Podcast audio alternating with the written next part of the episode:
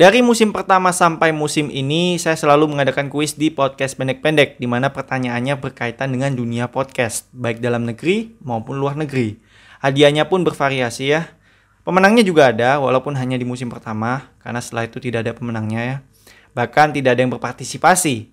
Tapi di musim kelima akhirnya ada yang berpartisipasi, walaupun hanya berhasil dapat hadiah ucapan terima kasih dari saya. Nah, alasan saya mengadakan kuis podcast pendek-pendek adalah pertama, karena saya suka menonton acara kuis, baik itu di televisi maupun di YouTube. Dan saya kepikiran untuk membuat kuis tapi versi audio.